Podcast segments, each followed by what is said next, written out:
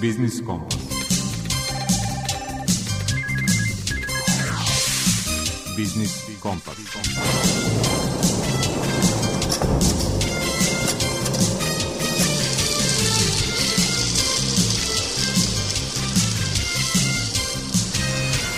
Pred mikrofonom je Đuro Vukelić. Dobar dan, poštovani slušalci. Utorak posle podne u programskoj šemi Radio Novog Sada je, kao što znate, rezervisan za ekonomske teme i biznis kompas. I evo ukratko sadržaja emisije. Na Beogradskom sajmu preključe je završen 66. međunarodni sajam knjiga. Iskoristili smo ga za razgovore o ekonomskom položaju izdavaštva i susret sa po mnogima jednim od najznačajnijih ekonomista današnjice, Tomom Piketijem – Više o tome u rubrici Aktuelno. Trgovci, vozači i zanatlije su najtraženiji kadrovi u Srbiji i nije neophodno biti programer da bi se zarađivalo više hiljada evra mesečno. To u rubrici iz mog Google tvrdi PR u kompaniji Infostud, sajtu za zapošljavanje Miloš Turinski.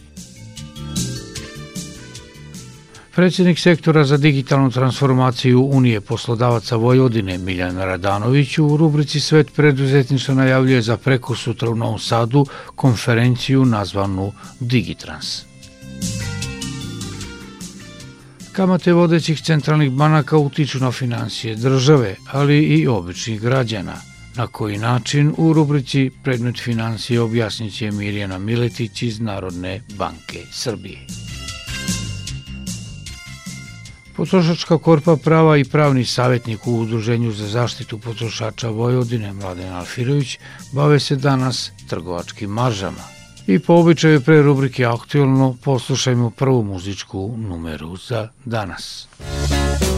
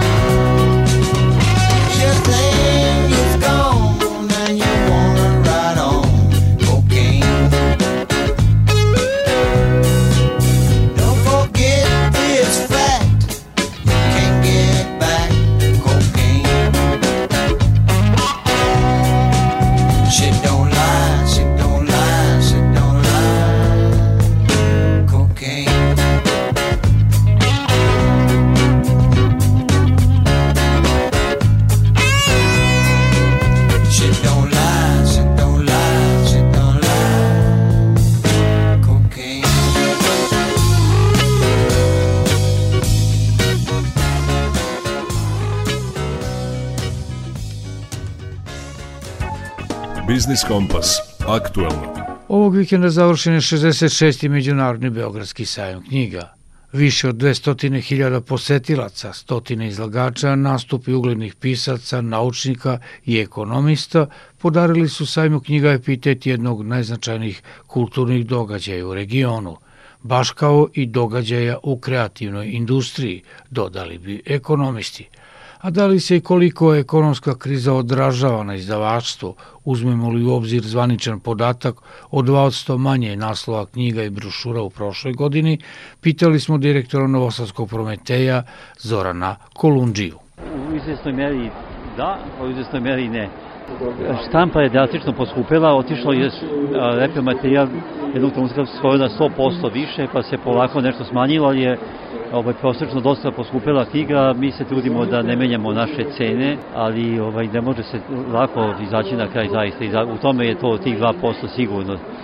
A s druge strane je ova pandemija i to što se dešavalo doprinelo drugačijem izlaganju knjiga, sve više knjiga je dostupno preko interneta i to je neka nova dobit za izdavače.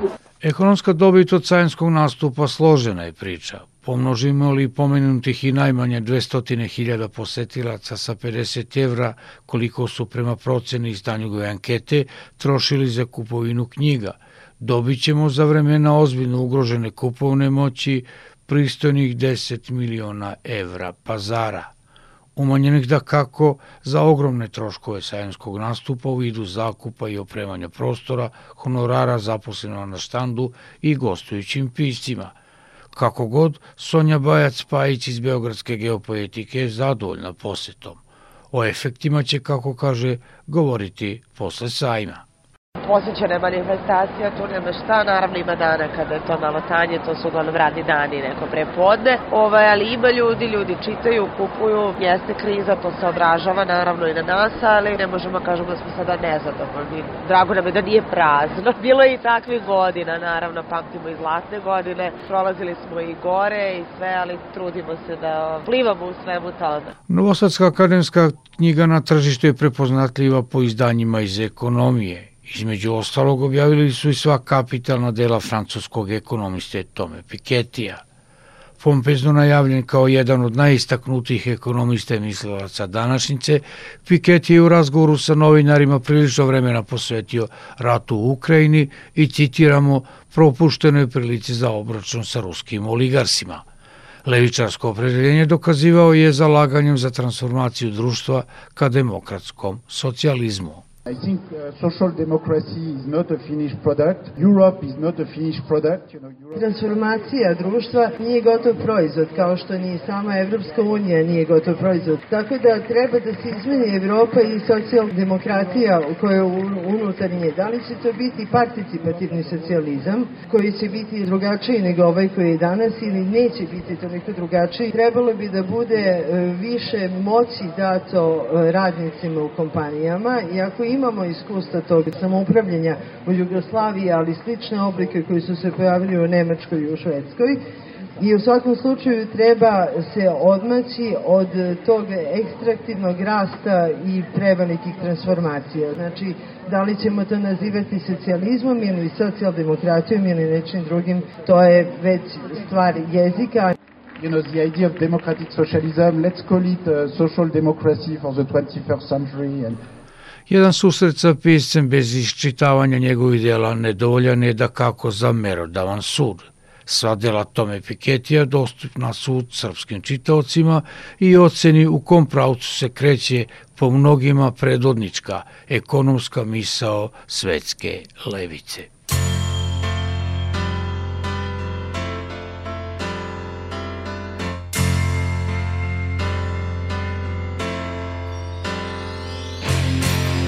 Should have seen by the look in my eyes, baby. There was something missing. You should have known by the tone of my voice, maybe, but you didn't listen. You played dead, but you never played. Instead, you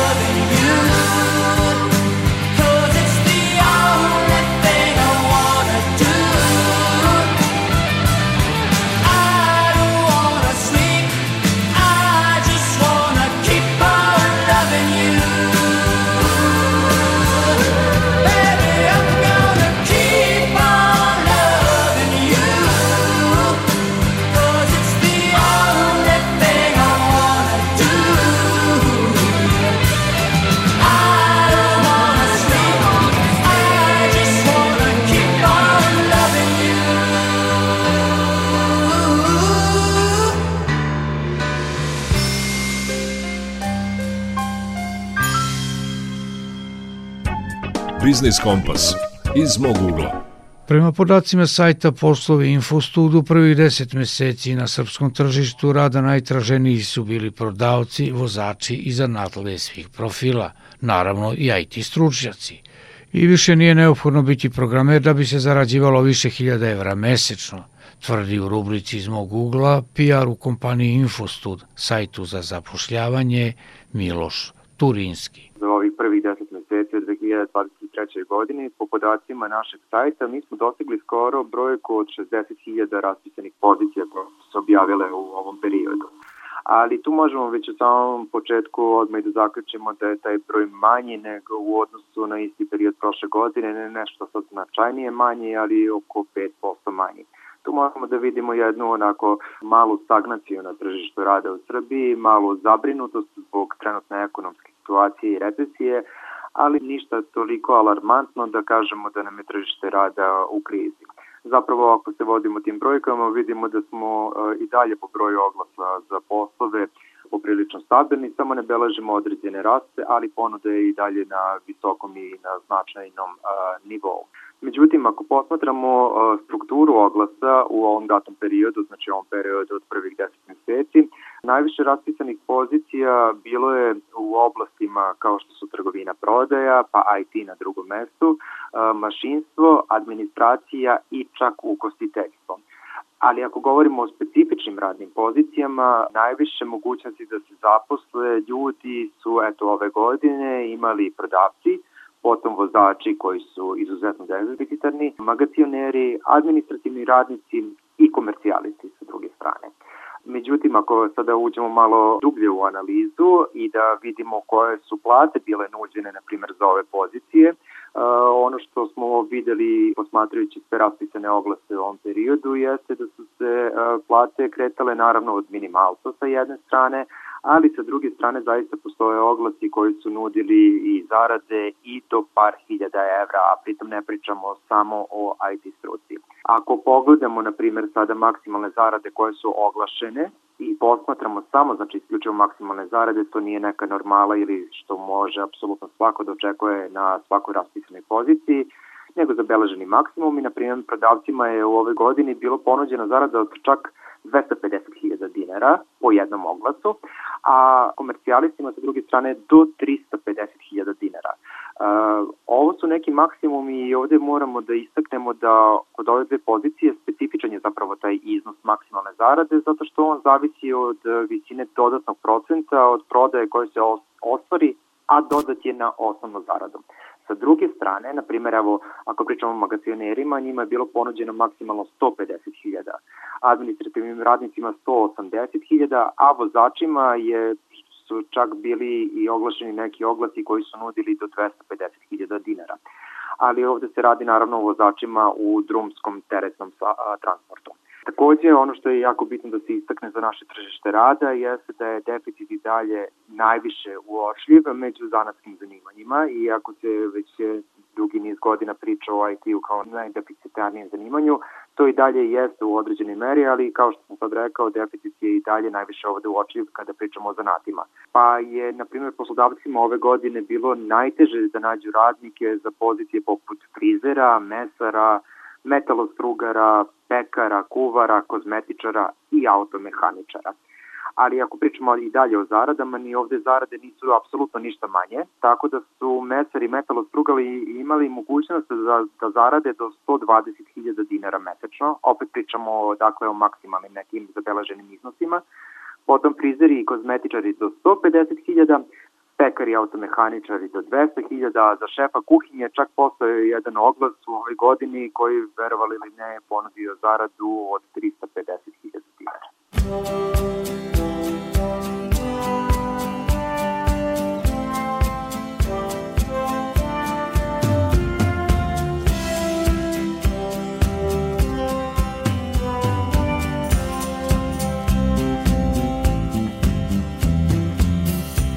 Just another room, just another town.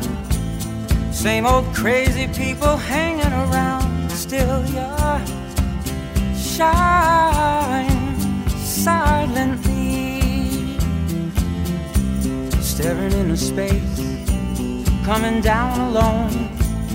Feel like packing all my bags, running home. Well, you shine silently. Shine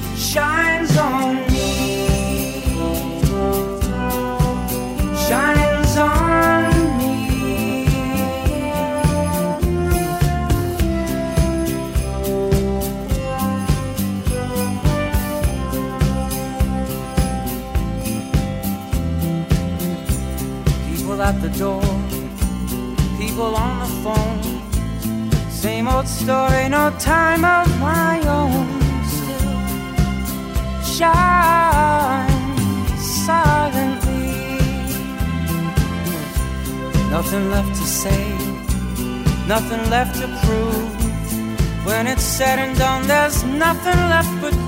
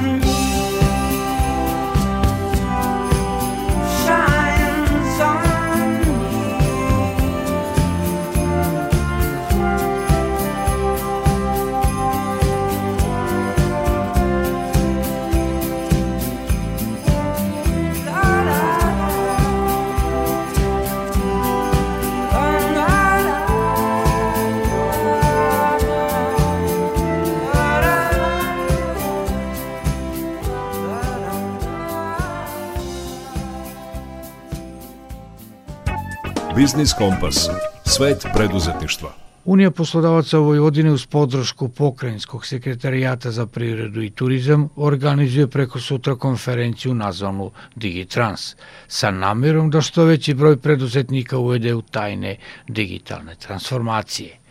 Predsednik sektora za digitalnu transformaciju Unije poslodavaca Vojvodine Miljana Radanovića pitali smo šta je ideja konferencije i koje teme će biti ponuđene učesnicima tog skupa. Ideja konferencije, kao što i sama e, reč kaže, je digitalna transformacija, odnosno da sve učesnike, da sve privrednike, mala i srednja preduzeća, zanatlije, e, enterprise biznise, uvede na jedan jednostavan način da im objasni šta je to digitalna transformacija i koji su to koraci koji treba da se urade, na šta treba da se obrati pažnja i kako praktično da prođete kroz ceo proces uspešno kako bi podigli efikasnost poslovanja. I ono što je važno reći za ovu konferenciju je da to nije samo konferencija gde će doći e, ljudi iz privrede da čuju nešto novo, da kažu ovo je sad odlično, hajde da, da krenemo sa tim, sada smo inspirisani i već sutra zbog svojih tekućih poslova da zaborave i da nastave da rade po starom. Ideja konferencije je da mi posle predavanja kada inspirišemo ovaj sve prisutne nastavimo da radimo sa njima dodatne edukacije radionice, da rade sa konsultantima, čak i da dobiju sredstva, bespovratna sredstva kako bi uspeli da sam proces transformacije započnu i naravno da nastave da rade. U toj funkciji bit će i sajt Digitrans koji planirate ili koji ste već i postavili.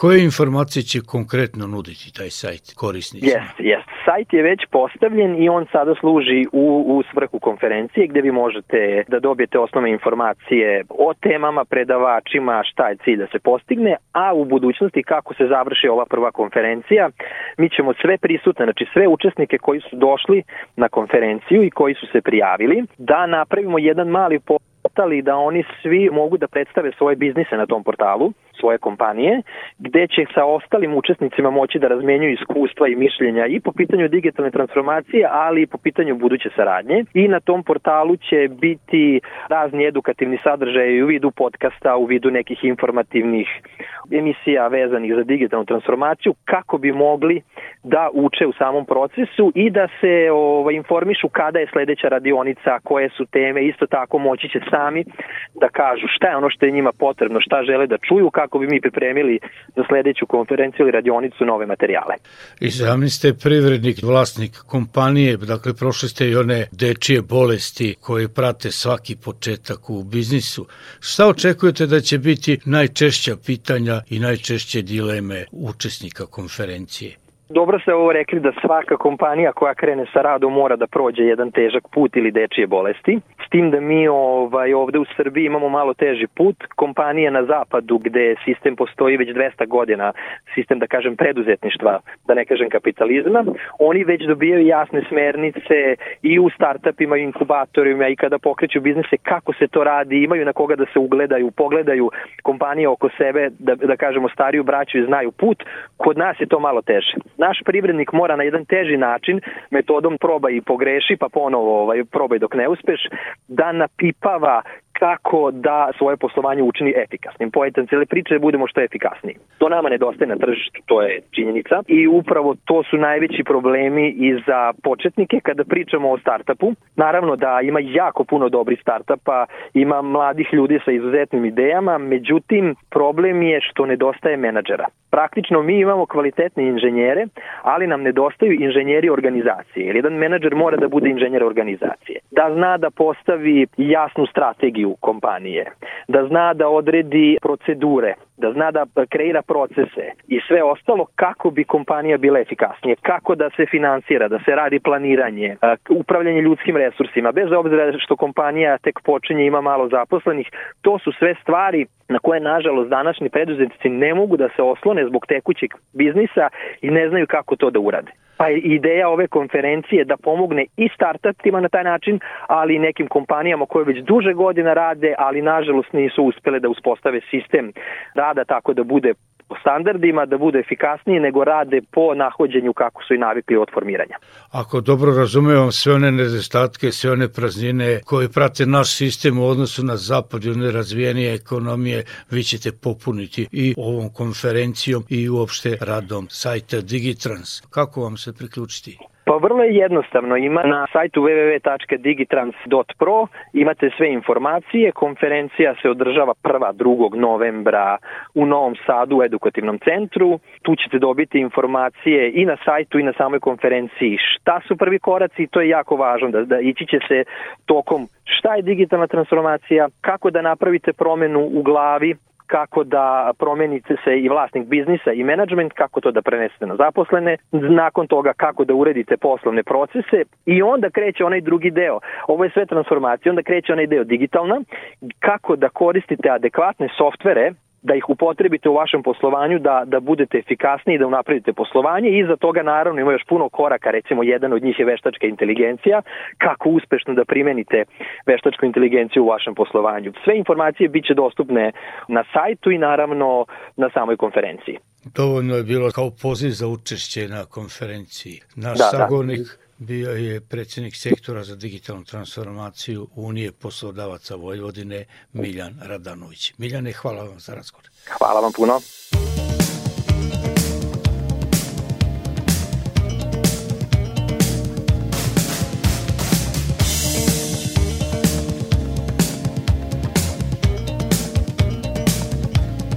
Looking out for love in the night so still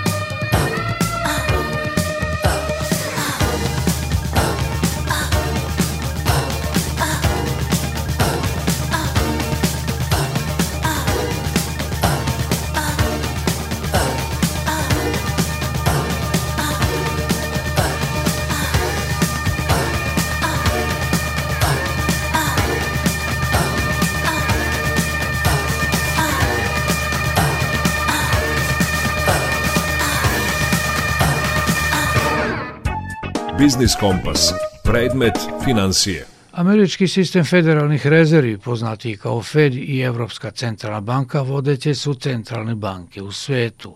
Njihove monetarne odluke utiču na kretanja na međunarodnom finansijskom tržištu, odnosno na raspoloživost sredstava za investiranje i na cenu tog investiranja. A šta to konkretno znači za državu Srbiju, a šta za građane? Objasnit će nam u rubrici Predmet financije direktor odeljenja za monetarnu analizu i izveštavanje u Narodnoj banci Mirjana Miletić. Kada Fed ili Evropska centralna banka donesu odluku o povećanju svojih referentnih kamatnih stopa, onda poskupljuju izvori finansiranja za banke i druge finansijske institucije, zbog čega i one povećavaju svoje kamatne stope na kredite koje odobravaju privatnom sektoru ili zahtevaju više stope prinosa na sredstva koje investiraju u vidu hartije od vrednosti, depozita ili drugih oblika aktive. Drugim rečima, to za posledicu ima manju raspoloživost sredstava za investiranje i po višoj ceni. Dalje, uslovi sa međunarodnog finansijskog tržišta prenose se i na zemlje u usponu i pre svega utiču na tokove kapitala prema ovim zemljama.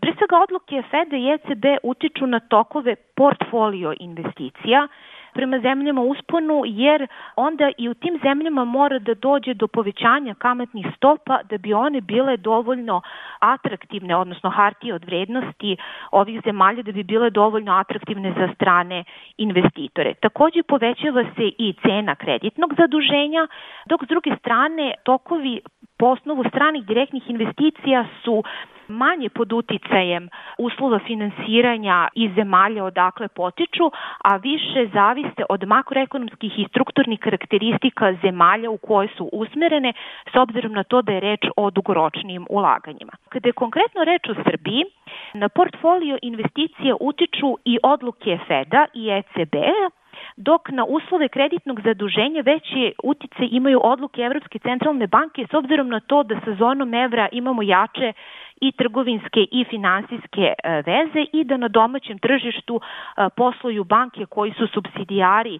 banaka iz Evropske unije koje za kredite indeksirane u stranoj valuti kao referentnu vrednost koriste e, tromesečni ili šestomesečni Euribor koji se direktno formira pod uticajem mera monetarne politike Evropske centralne banke i uslova na evrotržištu novca. Ako me pitate kako su se u stvari efekti dosadašnjeg zaoštravanja monetarne politike Feda i ECB-a odrazile na Srbiju, tu treba naglasiti sledeće.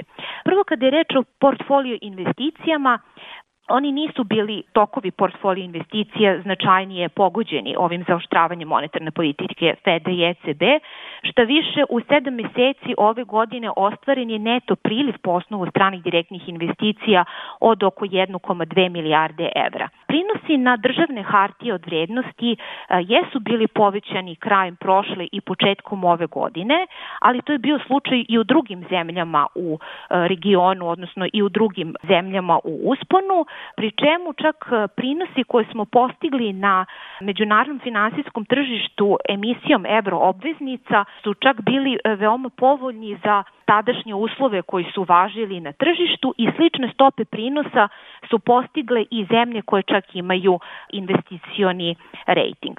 Kada je reč o ceni kreditnog zaduživanja, Cena evroindeksiranih kredita jeste povećana od jula prošle godine kada je i Evropska centralna banka krenula da zaoštrava monetarnu politiku, ali je taj rast kamatnih stopa na domaćem tržištu pratio rast Euribora. Znači nije bilo nekog dodatnog većeg zaoštravanja, nego je ono bilo u meri koju je povećan i Euribor. Pri tome ovde je važno napomenuti da je Narodna banka Srbije donela odluku da za kredite koji su odobreni po variabilnoj kamatnoj stopi e, evroindeksirane stambene kredite ograniči kamatnu stopu na nivo od 4,08% od oktobra ove do kraja naredne godine, što znači da i ukoliko dođe do dodatnog povećanja Euribora, to se neće odraziti dodatno na veće troškove otplate stambenih kredita. Naravno, ovde se postavlja pitanje i budućih odluka monetarne politike sistema federalnih rezervi i ECB-a. Evropska centralna banka je u septembru donela odluku da poveće svoju referentnu kamatnu stopu za 25 baznih poena na nivo od 4,5%, Iako je istaknuto da će buduće odluke zavisiti od podataka koji budu pristizali, rečeno je da je ovaj nivo kamatnih stopa obezbeđuje restriktivne monetarne uslove i da treba da doprinese da se u srednjem roku inflacija u zoni evra vrati na ciljanih 2%. Kada je reč o Fedu, e, on nije povećao referentnu kamatnu stopu u septembru, znači ona je zadržana na nivou od 5,25 do 5,5%, ali je ukazano na mogućnost da dođe do kraja godine do još jednog e, povećanja kamatne stope. Sve ovo zapravo ukazuje da su monetarne politike ovih centralnih banaka, ako ne na samom kraju ciklusa zaoštravanja, onom negde blizu tog kraja, tako da ne bi trebalo očekivati neke dodatne e, negativne efekte ni na domaće tržište po ovom osnovu, naravno pod pretpostavkom da ne dođe do nekih dodatnih šokova na međunarodnom tržištu koji bi za posledicu imali rast e, globalne inflacije. Na kraju ono što je još važno da se naglasi to je da u meri u kojoj aktualno zaoštravanje monetarnih politika ovih centralnih banaka utiče na nižu inflaciju u Americi, odnosno e, zoni evra, to će uticati i na nižu uvoznu inflaciju za nas. Samim tim Narodnoj banci Srbije će olakšati postizanje e, ciljane inflacije i smanjiti e, potrebu za eventualnim dodatnim zaoštravanjem monetarnih uslova na domaćem tržištu.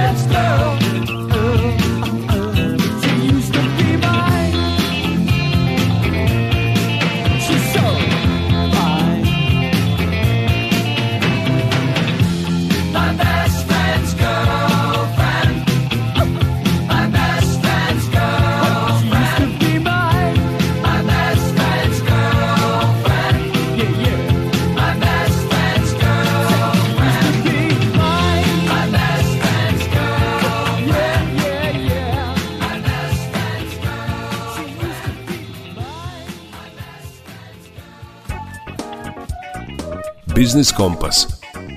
Potrošačka korpa prava. Mnogo se prašine podiglo sredinom avgusta zbog izveštaja Centralne banke o previsokim maržama u pet vodećih trgovinskih lanaca u Srbiji. Prašina se slegla, a cene i dalje rastu. Svakako ne uz smanjenje marži.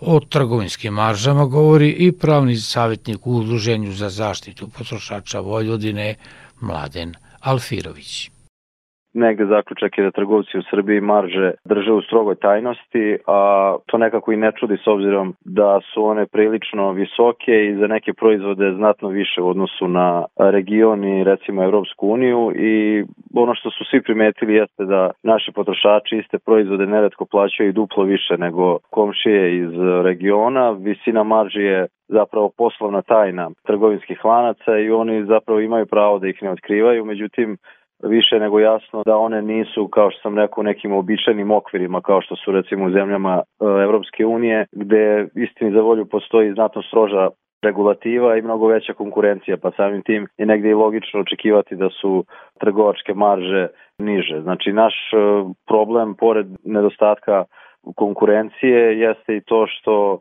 trgovci nekako sve svoje troškove prevaljuju preko leđa potrošača. Zbog rasta Euribora kočile su im kamate na kredite, pa recimo ako se uporedi visina cena 2020. i 2022. može se videti da su marže povećane čak za 36%. Dakle, oni sve svoje troškove, pa čak i to što plaćaju više rate za kredite, prevaljuju na potrošače tako što povećavaju marže. Ono što takođe možemo da, da kažemo jeste da se marže Europskoj uniji kreću između 10 i 20% i prema zvaničnim podacima Narodne banke Srbije trgovinske marže za grupe od pet najvećih maloprodajnih lanaca kao što sam rekao su u odnosu na 2000, 2020. godinu bile veće za 36,6% i ta, taj procenat se konstantno povećava. Ono što takođe zabrinjava jeste da se zapravo ne vidi negde kraj ovog trenda da kako god se povećaju neki troškovi, mi imamo i povećanje cena. Od skoro smo suočeni sa povećanjem cena naftnih derivata i električne energije, što bi svakako trebalo da se odrazi na cene u maloprodaji. Međutim, ako sad izvršimo neku dublju analizu i ako se osvrnemo na prethodni period, mi kao potrošačka organizacija zaista smatramo da više nema prostora za bilo kakvo povećanje cene, a da se to trgovcima ne vrati u smislu znatnog smanjenja prometa, jer će prosto potrošači manje kupovati. Dakle, mislimo da su cene dostigle svoj maksimum i da bi moralo u nekom narodnom periodu doći do stabilizacije tržišta i do, ako ne značajnog smanjenja, onda makar stagnacije kad su cene u pitanju. Ono što takođe je poznato u ekonomskim teorijama jeste da visinu marže diktira sam trgovac pod uticajem generalnog stanja na tržištu, ali da one mogu biti potpuno različite u recimo dva trgovinska lanca. Tako da uvek apelujemo na potrošače da sami izaberu gde će nešto kupiti i da prosto prate cene i upoređuju. Takođe postoje neki korisni sajtovi koji se bave uporednim prikazom cena nekih osnovnih životnih namirnica, tako da je svakako poziv i apel potrošačima da pametno obavljaju svoju kupovinu,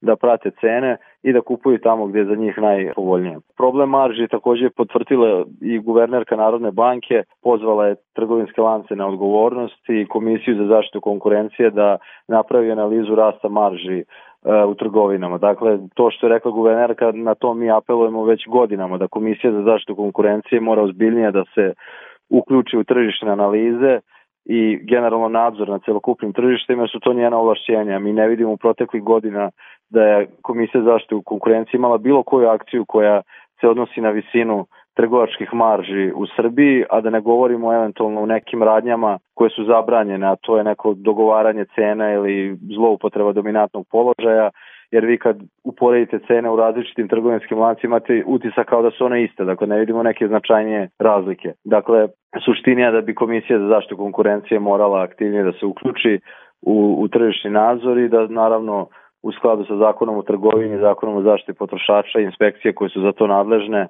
bolje i efikasnije kontrolišu neke trgovce i sankcionišu neke pojave koje su e, zakonom zabranjene. Dakle, sve to pored konkurencije nas može dovesti u situaciju da imamo niže cene u odnosu na prethodni period gde smo zaista rekorderi po cenama nekih osnovnih životnih namirnica.